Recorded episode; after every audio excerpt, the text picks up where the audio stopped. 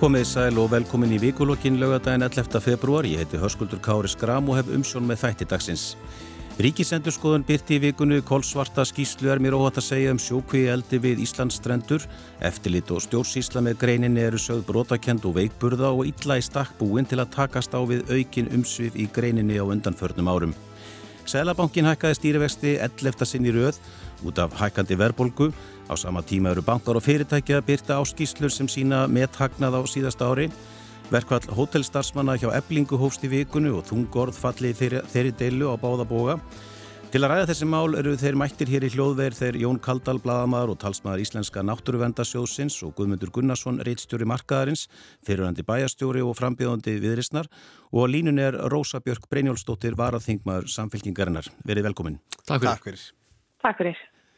Ég ætla að byrja á skýslu ríkisendur skoðunar um sjókvíaldi. Jón, þú hefur fylst lengi með þessu máli og ert í hópi þeirra sem hafa kannski gaggrind þetta hvað mest. Já, hvað stóð upp úr þessari skýslu að þínum að því? Nú búin hverslas alls, hvað sé allserja áfællistómur þetta er yfir umgjörðinni og, og framistuðu uh, ráðherra og raunulegu alþingis líka í þessu málaflokki. Það bara stendur ekki steinni við steini í umgjörðinni og hversu afgerandi umsögn ríksendurskoðunar er en nú er bara efskilur er, er að segja, staðfest það sem hefur komið fram í okkar málflutningi og annar náttúranda samtaka um ára bil sko. Er þetta bara stjórnlust? Þetta, meira minna verið stjórnlust og uh, kannski að sorgla er að, að um, þetta er Sko við hafa búið að benda á þetta við og fleiri og, og, og fólk veitit inn í stofnunum. Aldíkismennin er eiga að vita þetta.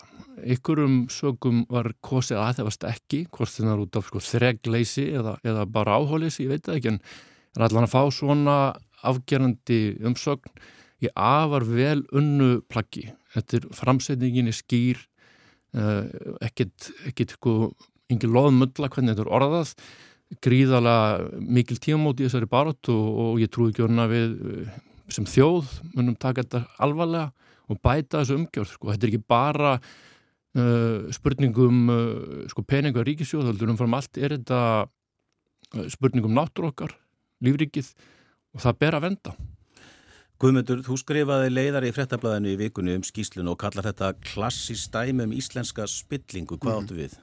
Þetta er bara, ég meina við þekkjum þetta, sko við þurfum ekki að setja okkur herðapúða til að upplifa verbúðina, hún er bara fyrir framann auguna okkur í prímalóttúrpum, sko. Þetta er, ég var bara á staðnum, ég, ég, hérna, ég, ég horfi upp á þetta og ég meina við, við Jón Kaldal höfum nú tekið stað gegnum tíðina, um, hann í rauninni sem málsvari náttúruna sem að ég byrjum mikla verðingu fyrir og ég þá meira sem málsvari samfélagana því að hérna, við þessa uppbyggingu þegar þessi tækifæri opnast og þá er ég aðalega að hugsa um fyrir vestan því að við meðum ekki glemja því að þetta er fyrst og fremst fyrir vestan og austan í þessum jæðarbyðum sem hafa verið í mikillir vörn að hérna, þá var maður að horfa á þetta út frá því að þarna væru tækifæri fyrir samfélagum til þess að hefja aftur sókn eða, eða snúa við þessari eilíðar varnabarátu sem hefur verið á þessum svæðum.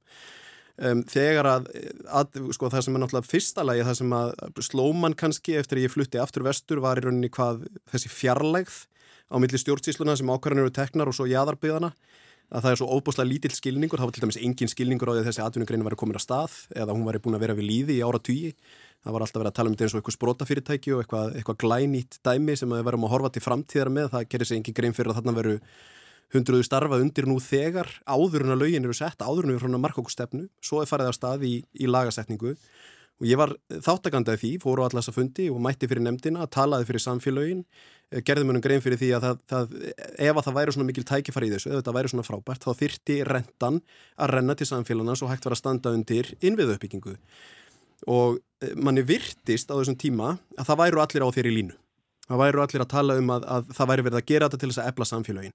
Svo kemur bara út úr þessari, þessu öllu saman, þegar lögin byrtast okkur, eitthvað allt annað heldur en hafi verið talað um og svo fara að teiknast upp þessi þræðir og ég held sko, þetta er ekki spillingin byrtist ekki í því að þarna fari fólk af stað endilega með einhvern illan ásetning, það er að segja kjörni fulltrúar, heldur vanmáttur stjórnsíslunar og vanmáttur kjörina fulltrúa gagvart um, auðugum fyrirtækjum sem eru þarna með þann einan ásetning að uh, hámarka arsimi sína, þau, þau meiga sín lítils.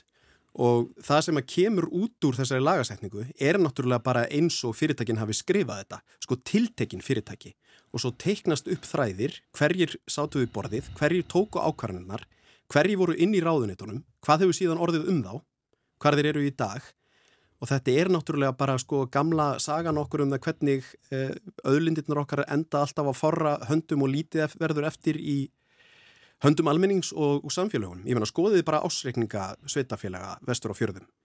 Um, ef að það er eftir svona mikla slægjast, ef að þetta er svona mikil uppbygging, um, hvaða bólmagn hafaðu til þess að, að, að byggja innviðina undir þetta? Veist, þetta er, Skísland regur upp að þarna eru bara grút skítu í þræðir, undir og ofan. Og, og, hérna, og ég veit til þess, ef við tökum til dæmis einn dæmi að þeir sem hafa verið í, að því fiskeld er gömu latunugrein til þess að gera vestur á fjörðum. Þeir sem hafa verið í hoflegu fiskjaldi um áratuga skeið, ég minna það var ekkert verið að finna kvíatnar upp fyrir tveimur árum sko, um, þetta fólk var allt skilið eftir. Allir þessi frumkvölar sem voru þó í tilturlega góðri sátt við náttúru og samfélög að byggja upp hoflega, þetta var allt saman skilið eftir. Og engin leifi eftir fyrir, fyrir þessi fyrirtæki eða þessa uh, frumkvöla og er, minna, þetta fólk hefur tjáð sig, þetta liggur allt ljóst fyrir. Um, þannig að hérna og, og talandu um þetta bolmagn um, þeirra sem er að tala fyrir sveitafélagunum og þeirra sem eru kjörnifulltrúar anspænis öflugum og stórum fyrirtækjum sem að tegja sig óbáslega langt í áhrifum sínum til þess að ná sínu fram að sko sem fyrverandi bæjastjóri og ég held að það geti allir sem hafa verið í þeirri stöðu eða kjörin fulltrú í litlu sveitafélagi ef þú farið inn á golf til þín aðururreikanda og þetta gerist oft og ég lendi oft í þessu og hann er kannski með fyrirtæki á bakvísi sem er með fimmfald eða tífald að veldu sveitafélagsins og hann segir þú gerir þetta eða ég fer með þessi störf og þessum hótunum er beitt þeim er, þeim er beitt bara reglulega þannig að sko viðnámsþróttur kervisins og kjöruna fulltrúa og þeirra sem eiga að taka ákvarðan fyrir, sveit, fyrir sveitafélagin og fyrir samfélagin hann er svo óbúsleir mega sín svo lítils anspænis eh, kraftiðusins Rósa, já svona þín viðbröð. Já, til að byrja með þá bara tekið undir það sem bæði Jón og Gundi segja. Ég meina þetta, sko, fyrir að fyrsta, þá er skísla ríkisendur skoðuna gríðarlega mikilvægt plagg til þess að læra því, þeim, þeim eh, stórum ístöku sem hafa verið gerð í uppvextu þessar greinar og, eh, og það rýður á að við tökum þær ábendingar sem, rík, sem koma fram í skíslu ríkisendur skoðunar og tökum þær förstum tökum og vinnum með það fljótt öruglega. Ríkisendurskoðin hefur aldrei komið með jafn margar aðtjóðsendir í sínum úttöktum eins og í þessari skýrslu og það er nánast, sko, það er nánast allt undir. Það er eftirlit og stjórnsísla, það er eh, lagabreitingar, það, haf, það hafa verið veikburða og brotakendar og þeim hefur ekki heldur verið fyllt eftir. Leifunum útluta til lengri tíma án eldugjalds, uppbygging skarast á við aðra mikilvæga nýtingu strandsvæða, E, þetta er bara staðfesting á þeim áhyggjum sem hafa verið, verið sko viðræðar síðastlegin ár bæði af e, nokkrum þingmönnum áltingi en líka af hálfu náttúruvendarsamtaka eins og samtökun sem að Jón er í fórsari fyrir sem betur fyrir sem að hafa haldið upp öflug aðhaldi en sko ég langar líka aðeins að minna líka á það að það, það er bæði þessi veikurða lagasetning inni á þinginu og það er náttúrulega komum við þingmenn sem að sátum inn í nefndunum á þeim tíma. Við, við munum það að við vorum með veikum hættar eina að, að, hérna, svona, að hérna, gera lagasetninguna skári en það var við ofur að blæðja. Síðan er það líka undir fjármögnun stopnana og eftirlits og það er líka greiðilega alvarlegt mál að það ríki stopnanir, þar geti einfallega ekki syngt sko sínu mikilvæga lögbundna hlutverki vegna fjárskors til að mynda varða vöktun á nýtingu auðlinda og eftirlits og svo framvegst til þess að tryggja sko að þetta umhverfi uppfyllir öll eðlileg skilir og kröfur og það er líka vegna þess að Guðmundur er, er vestfyrringur og, og fyrirhandi bæjarstjóri og, og þekkir þessi atvinnu mál vel að það eru sjálfsagt kröfur á mínu mati að íbúar landsbygðarinnar krefjist eða sko beiti sig fyrir því að, að sko, fyrir aukinni fjölbreytni atvinnumálum í heimabið. En, en sko við verðum líka vand okkur í þeirri kröfu. Að þær kröfur get ekki verið kerður áfram með sko undalat sem í garð óviðinandi starfsátt og meðferðar á lífriki hafsins. Og ég veit alveg ég er ekki að stukka við enninu landsbyðafólki með því að segja þetta. En, en sko yfirgangurinn hefur verið svo gríðalegur í þessari grein og á meðan hafa verið og ég veit alveg hvað Guðmundur er líka að vísa í og það eru, það eru þessi svona frumkvölar í greinni sem hafa verið og voru búin að vinna í sáttu samfélagin og lífrikið í ansi langan tíma sem var bara reynlega alltaf yfir. En það skiptir ótrúlega miklu máli að hvernig viðbröðum við þessar skýrslu verða, finnst mér. Mm -hmm. Mér fannst verða að segja að viðbröð matalar á þeirra við skýrslunum fannst mér vera góð svo að hún hafi sagt að það eru yngar lagasetningar eða lagabreitingar á þessu vorþingi En eh, ég held að það sé líka mjög mikilvægt að bregðast trátt fyrir það að verða engar lagasetningar núna strax. Heldur er hægt að, að grípa til úrbóta sem eigi gera eins og efla strax eftirlit, beita fjárökulum til að veita auka fjármagnu til þess og beita þingunur orðaðum og svo þarf að taka þetta leifisveitingu ferði til endurskoðunar og við, ég vil líka minna á það að við erum í loka vinnu við gerum strandiðskipulans á austurum og vesturum og við, hvernig ætlum við að gera það? Hvernig ætlum við að fara inn í strandiðskipulæðið sem er eiginlega komið bara inn í algjört lokaferðli þegar við fáum þessa skýrslu ofan í það. Hvað ætlum við að gera með það? Svo náttúrulega líka þessi stóra langtíma spurning með að endur skoða öðlundagjaldi í fiskjaldi og, og önnur áform af frekara gjaldtöku. Við erum að sjá líka landkvíaldi og áform landkvíaldi í Ölfusi sem eru mjög stórkarlaleg og þar verður líka að staldra við, finnst mér. En ber engin pólitiska ábyrð á þessu máli? Þetta tegis náttúrulega langt aftur allt til ásins 2004, uh, þetta fyrir svona aukast upp úr já, 2014, það hafa marga ríkistjórnir setið, þú varst um tíma í, ríkistjórnarflokki, Rósa, já, hver ber pólitiska ábyrð á þessu máli? Það er alveg ljóst að, að hérna, ég vil nú segja bara eins og er, það er alveg lúst að, að hérna núverandi matalur að hún tekur við vægast að skjálfilegu búi frá sjárótis að það er sjálfstæðarlósins, það er nú alveg lúst og það verist ekki að veri gert neitt á nokkur viti til að styrkja umgjörunni kringum þess að við komum aðtunugri á þeim tíma sem að, að sjárótis aðanuti var, var í höndum sjálfstæðarlósins, það, það bara verður að segja reynd út. En ég líka, minna við við sem sátum á þingi, við vorum náttúrulega líka ég, ég, ég tek alveg undir það að þingmenn hefði alveg átt að geta verið harðari og öfluri en það, var, það er líka og það ber, ber að þingmenn líka ábyrg á því að skapa sterkari og skýrari lagangjör en þrýstingurum var mikill og þrýstingurum var mikill á marga stjórna þingmenn á þessi tímabili En tala... eins og við veitum að þá náttúrulega er ekki kannski mikil hefð fyrir því að bera stjórnmálum að beri mikla ábyrð á einhverju sem að gert hefur en, en hérna á Íslandi þannig að við, við hérna, við slumum líka alveg hafa það í huga. Þú, en það er mjög mikilvæg að læra, læra af þessum tillögum sem, sem koma fram og þessum aðtöðasendum sem graf alvarlegu aðtöðasendum sem koma fram í þessari skýslu. Það skiptir ótrúlega miklu mári varandi næstu skref. Við erum með fiskaldið, sjókvealdi á mjög viðkvæmis sko stígi bæði á austfjörðum, sérstaklega austfjörðum og vestfjörðum og það skiptir bara ótrúlega miklu máli hver næstu skrif verða. Þið talið öllum þennan þrýsting sem skapaðist, það var náttúrulega að tala um mikilvægi þessar greinar fyrir atvinnu uppbyggingu á vestfjörðum og á Östurlandi.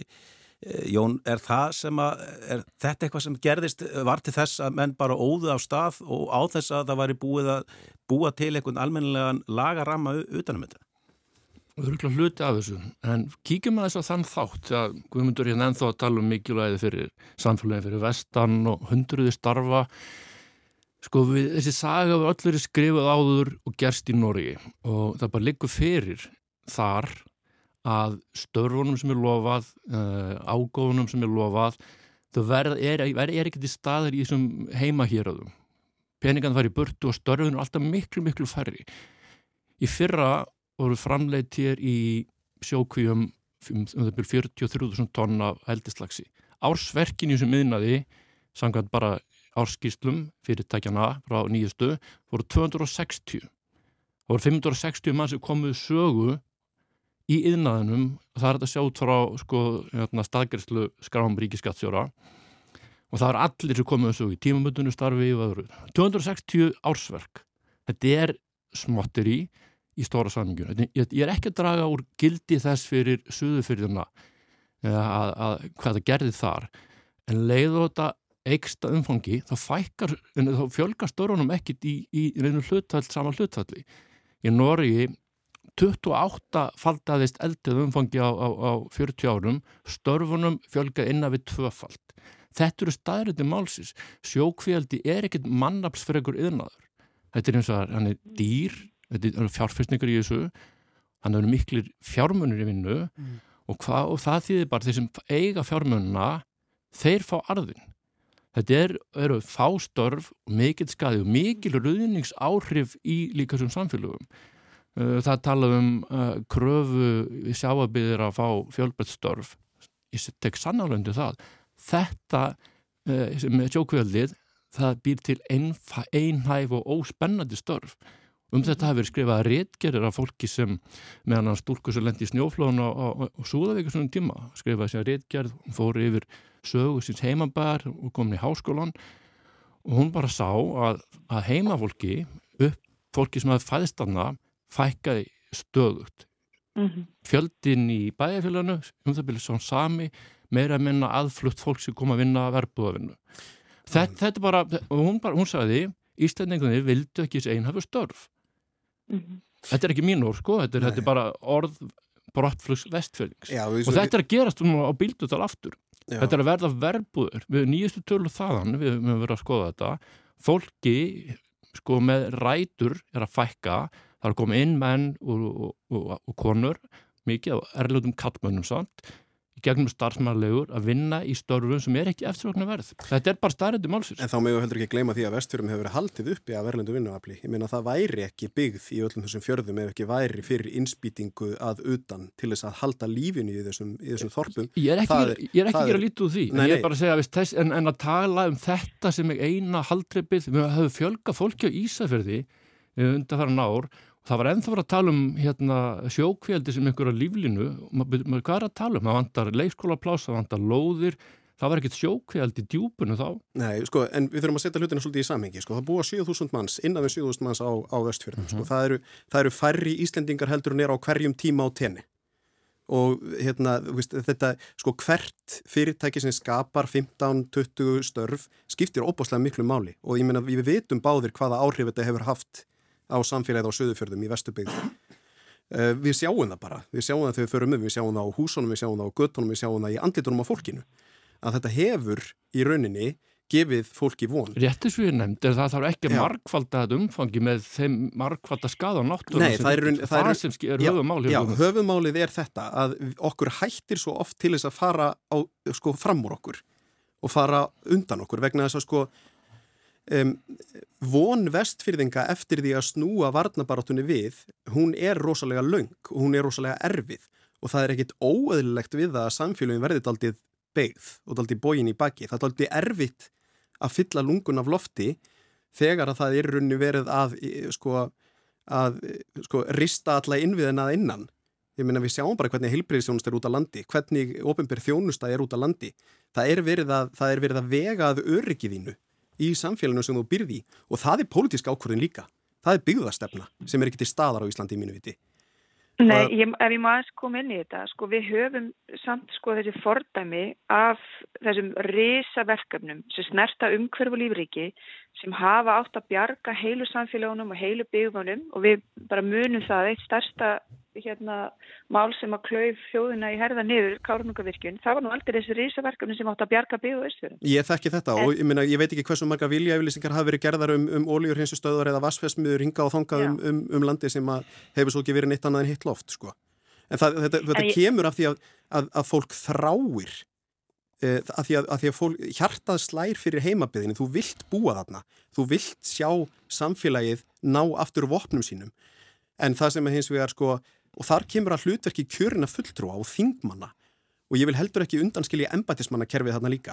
Ég er yllindar ásök svo að það, þess að þú lýsa þarna stórfyrirtægin sé að misnóta sér nákvæmlega þessa stemningu, fara og tala Já, með þessum hætti inn, inn í andrúrslótti. Sjáu núna, núna Arnalags, þú ert að lýsa hérna eins og þeir séu ykkur mögulega koma inn undir þessum fána Arnalags vil ekki borga hafnagjöld í bíldudal eftir, eftir verskrá. Þau eru í málaferðlum við, við, við sveitafélagi. Akkurat. Og hvað er nýjasta þar? Þau eru að hóta að byggja eigin hafnarastu. Þau vil ekki skipta við sveitafélagi. Þannig að fyrst og næst er þetta stórfyrirtæki sem kom inn undir þessu flaggi að nýta þessa stemningu. Við verðum að greina, gera greinum en þar á. Já og það, þetta er nákvæmlega það sem ég er að segja. Það er verið að nýta sér í rauninni þetta andrumsloft til þess að snuða samfélaginu um það sem að þeim ber sem er rentan í öllindónum. Þannig að erum við alveg samála. Mm, gott.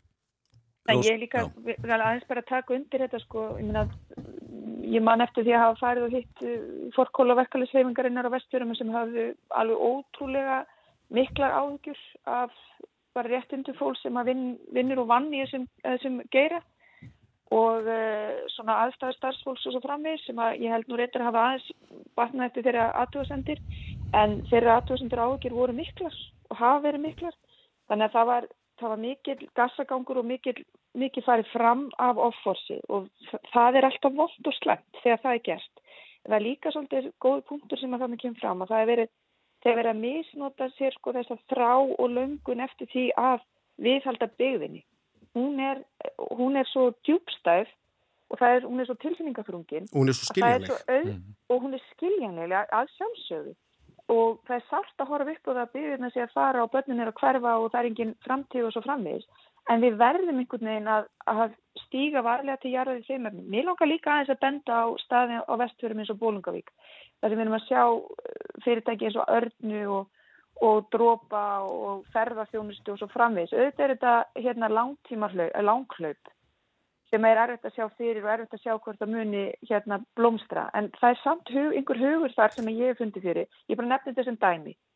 Við verðum líka að vera kjörkuð í því að, að hérna, horfa til framtíðar og græna framtíðar en á algjörlega tekundi það líka að það þarf að búa til alvöru byggðarstefnu sem byggir einmitt á svona nálgun á atvinnumálinn. Mm -hmm. Það er að segja frumkvölan, ísköpun og líka á hugvitið þess fólk sem býr í heimabygg, hvernig það sér fyrir sér framtíðinu fyrir sig og sín ákomundur og hvernig hægt sé að búa til og ég veit þetta hljómar í sumum eigurum þá bara já, þetta er nú bara einhver, einhver hérna, einhver glíja og einhver, einhver svona loðnar hugmyndur um framtíðina. En það er staðin að það er hægt að gera þetta markvið sem hægt ef að stefnan er skýr.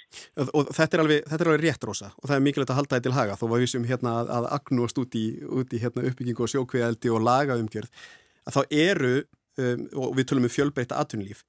Heimamenn eru að byggja upp samfélagin aftur og það er gríðalegu kraftur í samfélagunum sérstaklega bæða norðaverðum og sunnaverðu vesturinn það sé ég þekki best til. Og, og það, það, það er ekki þannig þó að mönnum finnist það kannski stundum að það standi allt og falli með einni gullgæs. Það eru mhm. fjölbreytta atvinnutækifæri þeir eru fyrirtæki að spretta ferðarþjónustan er á flugi. Veist, við mhm. erum að taka okkur á og það er sannlega um, öll merki þess að að gríðarlega mikilvægur viðsnúningur sé að gerast á vestfjörðum akkurát núna, einmitt ekki með töfralust, einmitt með fjölbreytni. En það kemur fram í skýslinu og, og Ríkisendur skoðandi leggur fram hérna, setur fram 23 ára ábendingar sem er með e, og talar um það raunverulega að, og ráþæra, matalar ráþæra fyrir gemir, hann talar um það að, að hérna, lögjafinn hafi raunverulega verið að elda þessa grein, hafi alltaf verið einu skrifi eftir á. E, er við orðin og sein að breyta einhverju núna eða Hvernig eigum við að takast á við þetta? Nú er þetta komið, það, það eru ásframleyslanir í kringum 44.000 tonn ef ég mann rétt, mm -hmm. tífaldast á síðustu 9-10 árum. Eh, er orðið, orðið og seint að breyta einhverju? Sko það var sláandi þegar, að, hérna, þegar maður kom vestur að, að, að horfa að eiga samtöl við þingmenn, jáfnveil þingmenn kjördæmisins, þetta er mjög stórt kjördæmi, fólk sem hefur raunni óbúslega lítinn skilning á tilteknum samfélögum vegna þess að það kemur úr öðrum samfélögum að því þetta er mjög fjölbreytt. Það er innan norðvestu kjördæmis erum við með agrænir söðakróki en við erum líka með bíldudal og þetta er bara allt önnu mynd og það, er, það, það, það sem að gerðist þarna er að það var farið ofbáslega hratt af stað og uh, vanmáttur stjórnkerfisins og í rauninni fjarlæg þeirra sem að eiga að taka ákvarðaninnar var svo mikil að það skorti alvarlega á skilning. Þess vegna vorum við komin á stað með aðtunugrein sem engin umgjörðvarum, engin stefna hvað ætlum við að gera, hversu langt ætlum við að ganga, hvernig ætlum við að virða náttúruna og það er verið að vinna þetta allt á hlaupum eftir á. Og þetta er rosalega íslensk saga. Það er ekki úr sent að breyta núna, menna, fyrsta skref bara blasir við, Vist, ef, ef við erum mjög innað sem er meira eftir slöys, ekki verið sína náttúravöktun vegna fjárskorts, þá er náttúrulega bara stöðvað þann innað.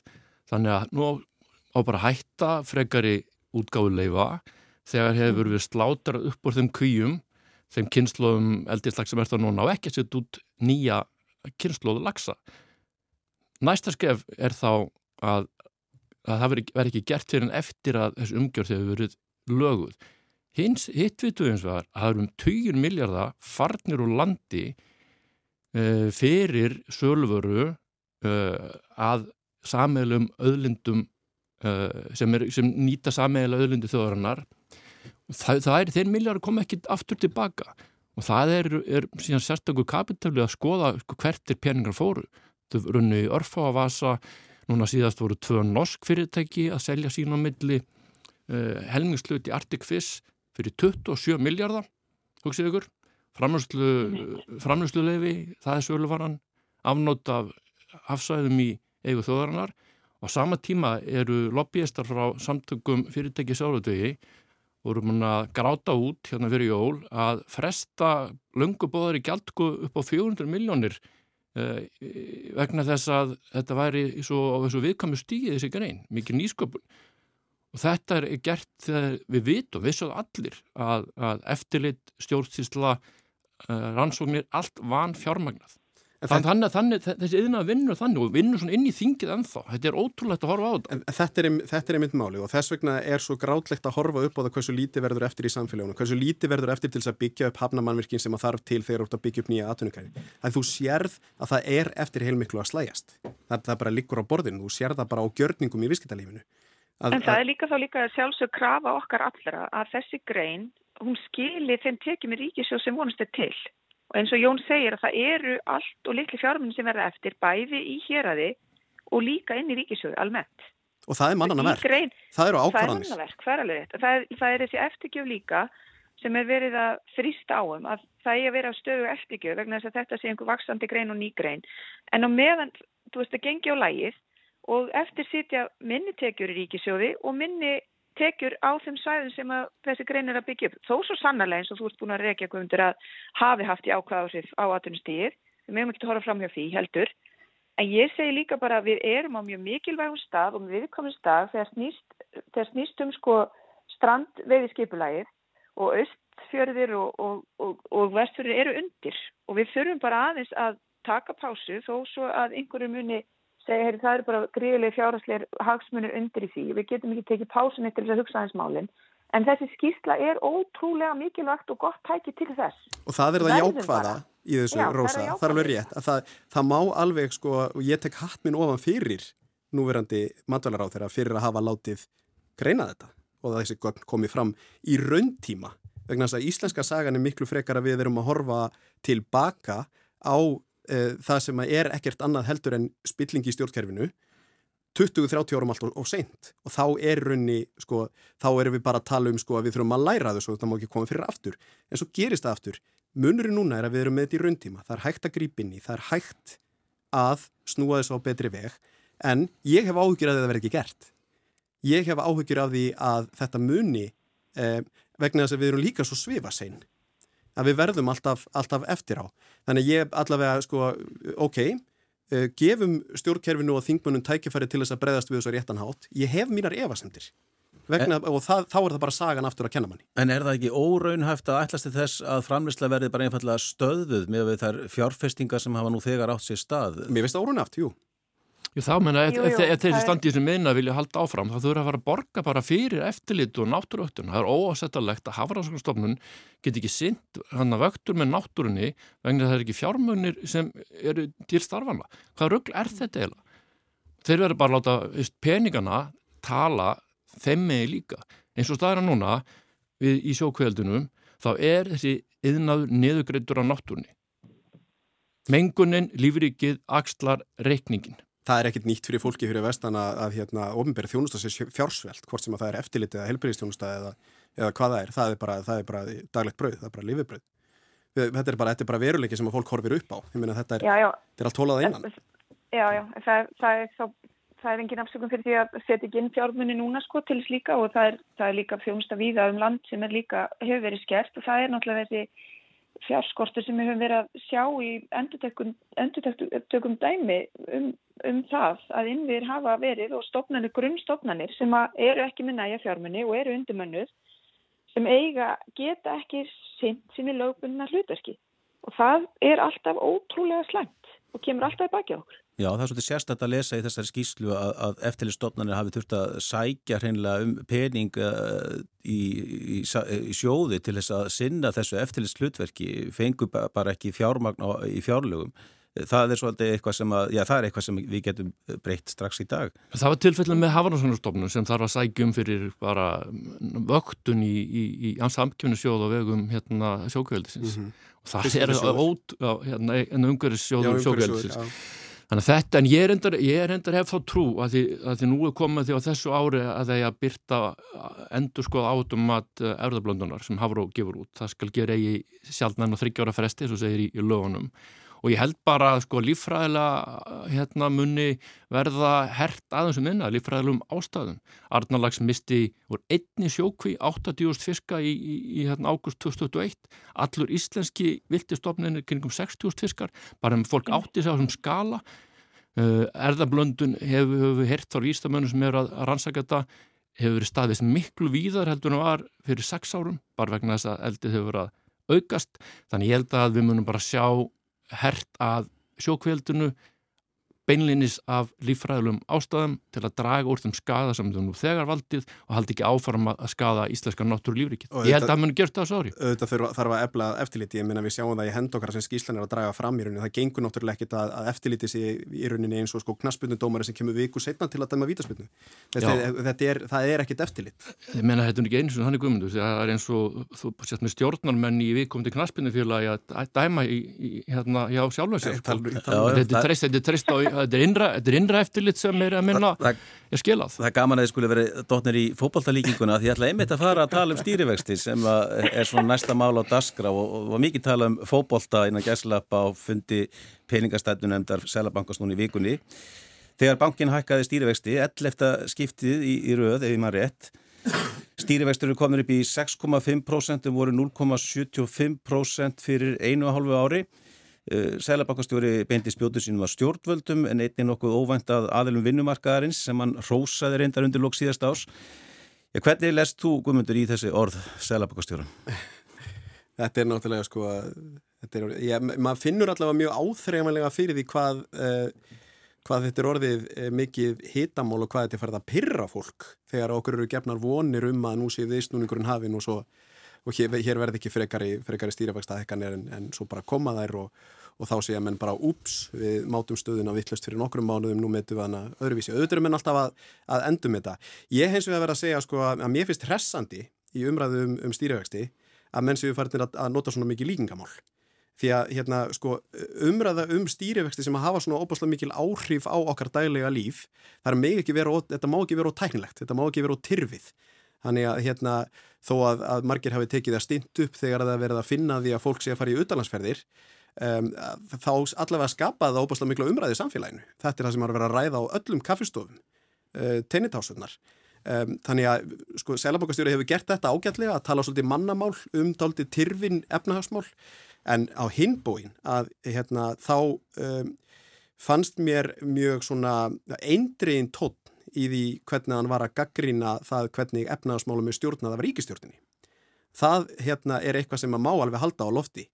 Eh, við þurfum ekki endalust að vera að skamma almenning fyrir að reyna að skrimta. Eh, það, það eru ákvarðanir teknar út þensla ríkisins og fjárlög eru náttúrulega bara að segja okkur bara eitt að ríkisjóður er gríðarlega illa rekin og það eru sveitafélug líka. Þið ofinbera er ekki að standa sína plikt í ábyrgum rekstri. Þetta er bara staðrind og allt hefur þetta áhrif og allt endar þetta á okkur.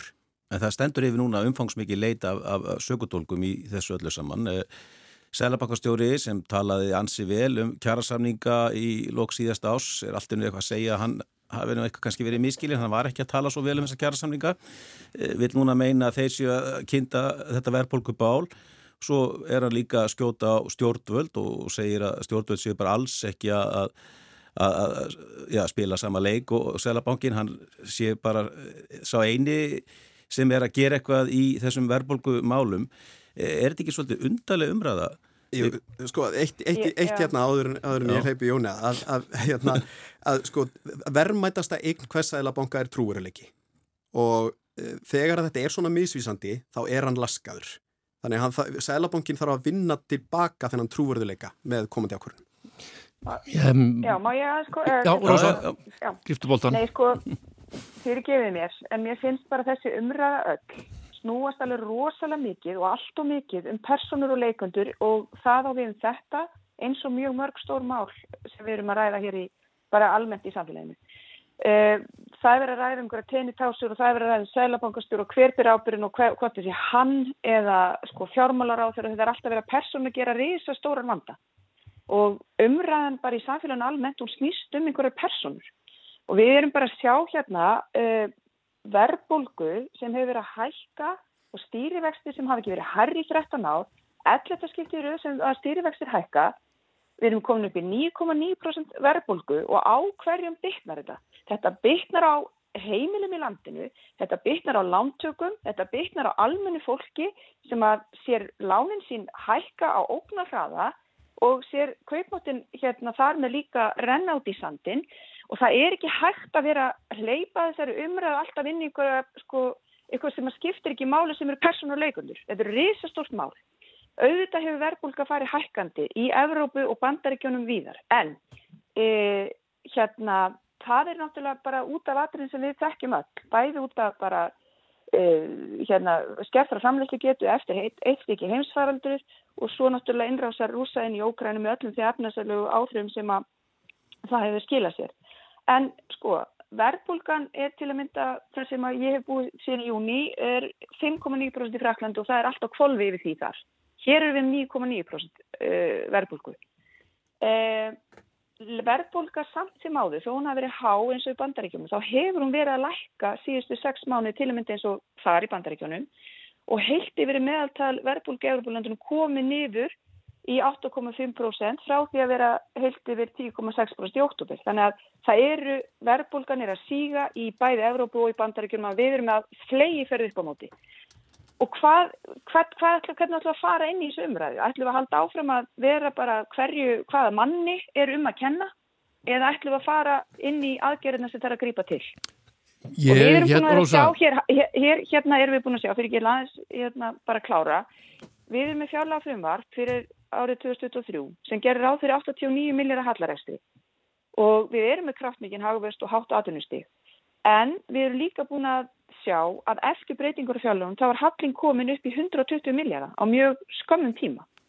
Og það verður að sækja tekjur á móti þessum vaksandi halla og inn í þetta ástand.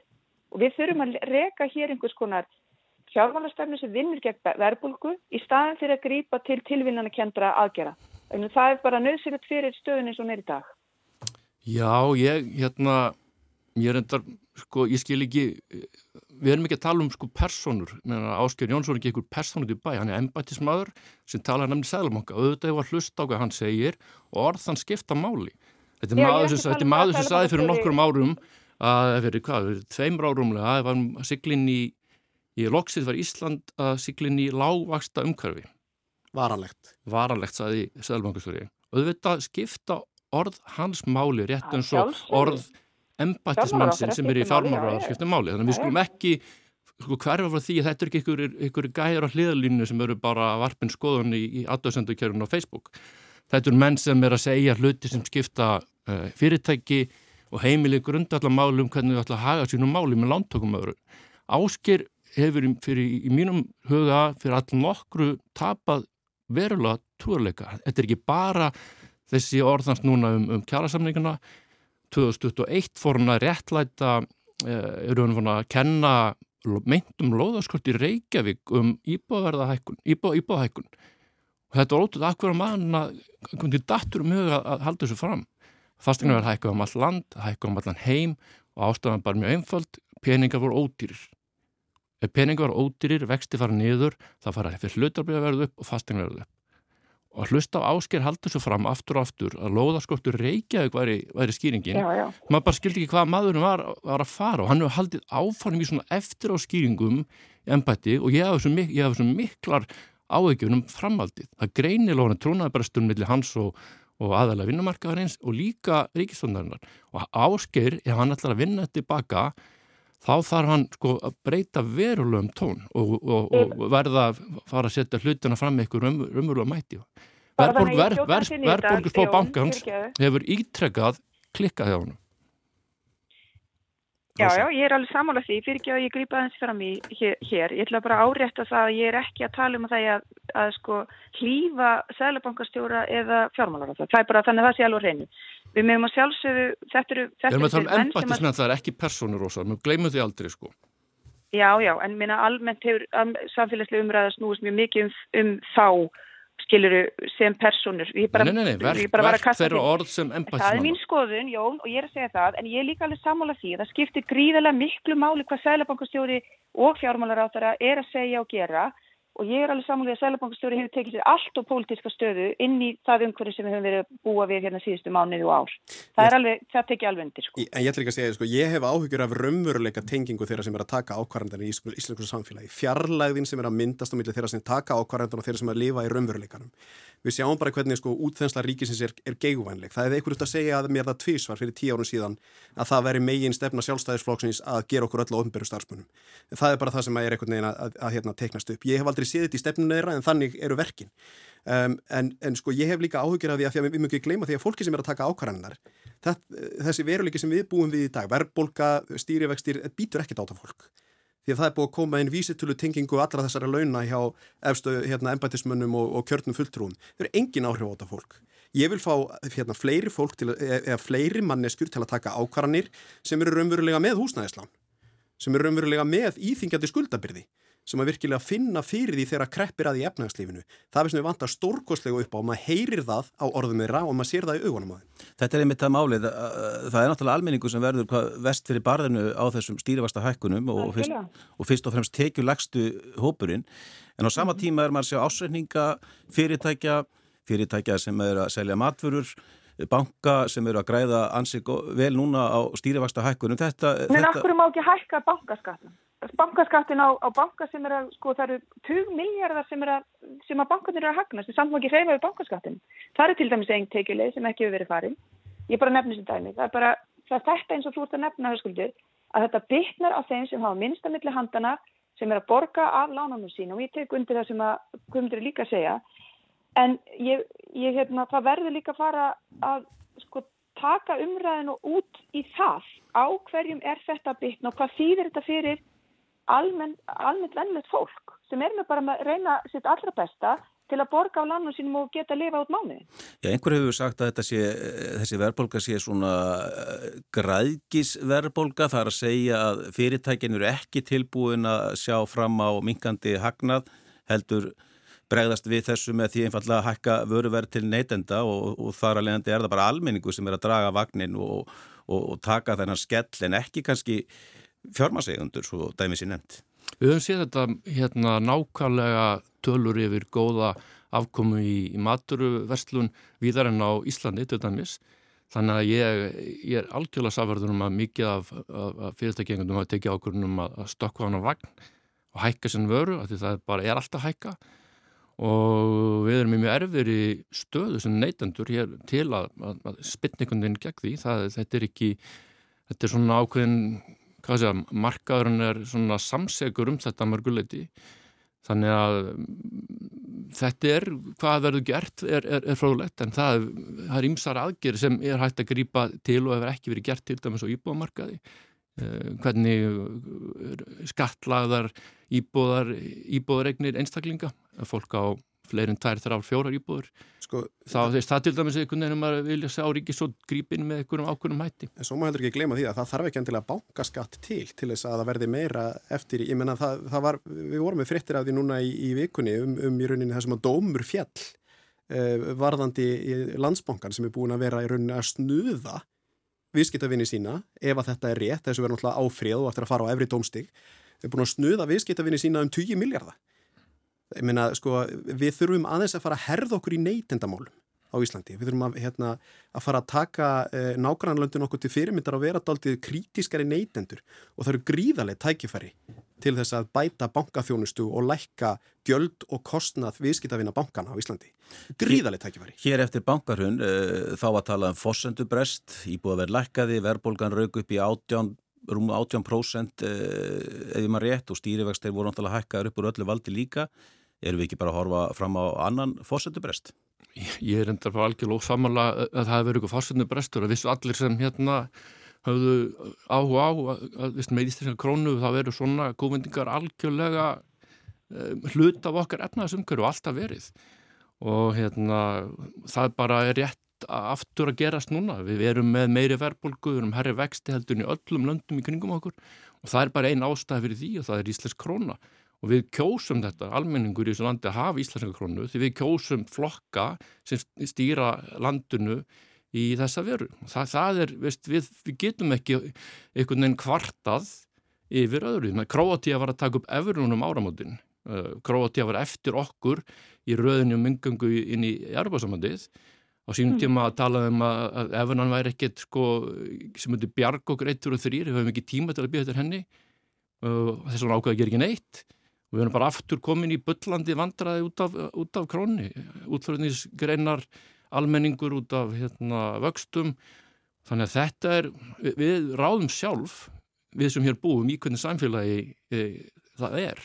Við vitum líka alveg hverju það er sem haglastæði há krónuna. Já, já, en menna, ég er sem við, við, við skulum, við skulum, skulum, skulum samt neginn, við sem búum þetta land, við ráðum hvernig það er. Og það er ekki einhverjum öðrum að kenna bara við getum litið öðun okkur sjálf ætlum við að breyta þessu, ætlum við að hafa það eins og er? Áfram í þessu óbásla seplukendu efnarsumkörfi þá breytum við, þá bara er það þannig. En við, það er ekki nýtt fórsöndabrestur það er bara hluti á sem veruleika. En, en mm. sko, svo ég færi samtalið aftur að selabankanum og, og kannski Já, af því, að, af því það sem ég er að velta fyrir mér við erum að gaggarina þetta, þetta þessa stýrivæsta hækkun að, að hún bytti illa á almenningi. Þarf bankin kannski fleiri tæki og tól til þess að eiga við verðbólkuna. Það má alveg fara raukverð því, ég menna þetta eru, það, það, það má þó allavega gefa, en þetta eru tólin og tækin sem þeir hafa. Og það eru sko í rauninni verðbólkan sem við sjáum bendir til þess að það þarf að grípa til þessar aðgerða, ég held að það skilji það allir, en það er kannski frekar aðdragandin og hvað það er sem að veldur verðbólkunni og þáttur hins ofinbera sem að á í rauninni að vera okkar örgispendill og hjálpa okkur að ná tökum á verðbólkinu og tala rosalega mikið um að ná tökum á verðbólkinu það séu okkar mikilvægsta verkefni en gjörðirnar eru síðan bara eitthvað gengdalus útþensla og, og útvíkað hérna, fjárlega frumar sem er útröldu korti. En Bjarni hefur ítrekka, Bjarni Bensson fjármálar á það hefur ítrekka benda á að hlutur eh, ríkisins í þessari verðbólgu sé eitthvað staðar í kringu 0,5% af þessum 9,9% sem að verðbólka mælis nú? Verðbólka hækkunin í byrjun ás bara við sjáum þetta í vísistölunni. Þetta voru gælskráhækkanir ríkisins.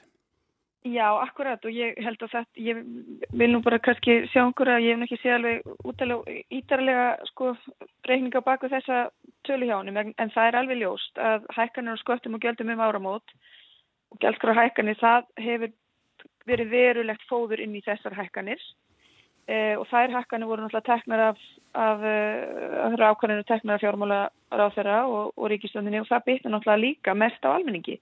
Þannig að það verður að grípa til aðgerða.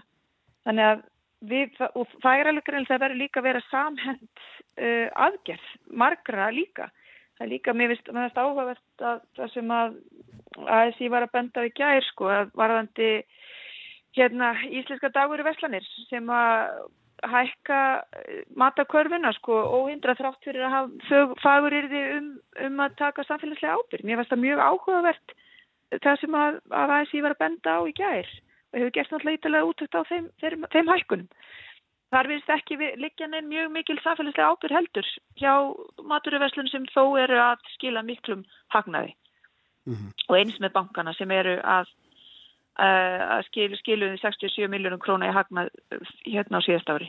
Þannig að þarna er verulega tækifæri til þess að grýpa líka inn í. Já, það verður gaman kannski að sjá þess að Ríkisjótt ganga undan með góðu fordæmi og fækka ráðunutum aftur. Þetta er Ríkisjótt sem fjölgaði stólum ráð þeirra. Það var yngar kröfur og um það utan á samfélaginu. Þetta þurfti bara að friða ákvæmna einstakleikina þingflokka og það er núna magnað að sko vinstistjórn Jóhann og Stengrims fækkaði ráðunendum þessa, sparaði verulega í þessu, þessari yfirstjórn En svo hafa sjálfstæðsmenn verið aðeila ríkisjónum sem er jamt og þjætt fjölgaða ráðanutum sem með sko mörg hundru miljónakrónar kostnaði á ári. Þannig að það er, ég vil bara kasta þeirri hugmynd til fram til, til Bjarnar og Katjarnar að bara bakka núna á kjartjöfumbilinu með þessar, þessar stækkun og fækka ráðþörum uh, með sem eru með tilhandi kostnaði bílskjóra og aðstofamenn. Akkurat, þetta eru mörg hundru miljónur ári þannig að þetta er hérna Eh, þarna er, er, er mér stifil tannig að ef, ef vera hvetja eins og við hefum hirt frá ráðumun almenning til að sína mér aðgátt að þá eiga þeir sem uh, mæla slíku orða að ganga undan með góðu fordæmi og þarna er bara auglust tækifæri. En okkar að, skiptum umræðafni vildi ég sagt hafa Rósa þið voru að afgreða útlendingafrömmarpið úr annari umræðu og alþingi núna í vikunni. Við sáum þessa skelvelegu jarskjálta í Tyrklandi og Sýrlandi um síðustu helgi og ég held að tala látin að sé já, kominni yfir rúmlega 20.000 manns.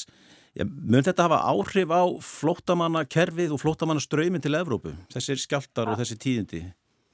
Algjörlega, ég bara fyrir að fyrsta sko þetta er náttúrulega algjörlega hræðilegir atbyrðir og eh, bara nota tækifærið og minna á þau sem að hafa eru aflögu fær og geta styrkja þau hjálparsamtök sem eru á staðnum að veita aðstof. Eh, við erum náttúrulega líka svo ótrúlega lykkulega og heppin að, að við getum senda ángar eh, björgunafólk til þess að, að hérna, hjálpa til. En já, það er algjörlega ljóst og ég minna við erum líka að sjá enn eina afleggingana hörmulegu stríði inn í Sýrlandi að hjálparstarfinn í Sýrlandi hefur gengið alveg ótrúlega illa og ég raun og verið var það ekki fyrir mig gæri held ég eða sendi fyrir þetta sem að saminnið þjóðana gátti farið að aðtapna sig inn í Sýrlandi og þeim hluta, þeim megin sem að jærskeldunum drifi yfir.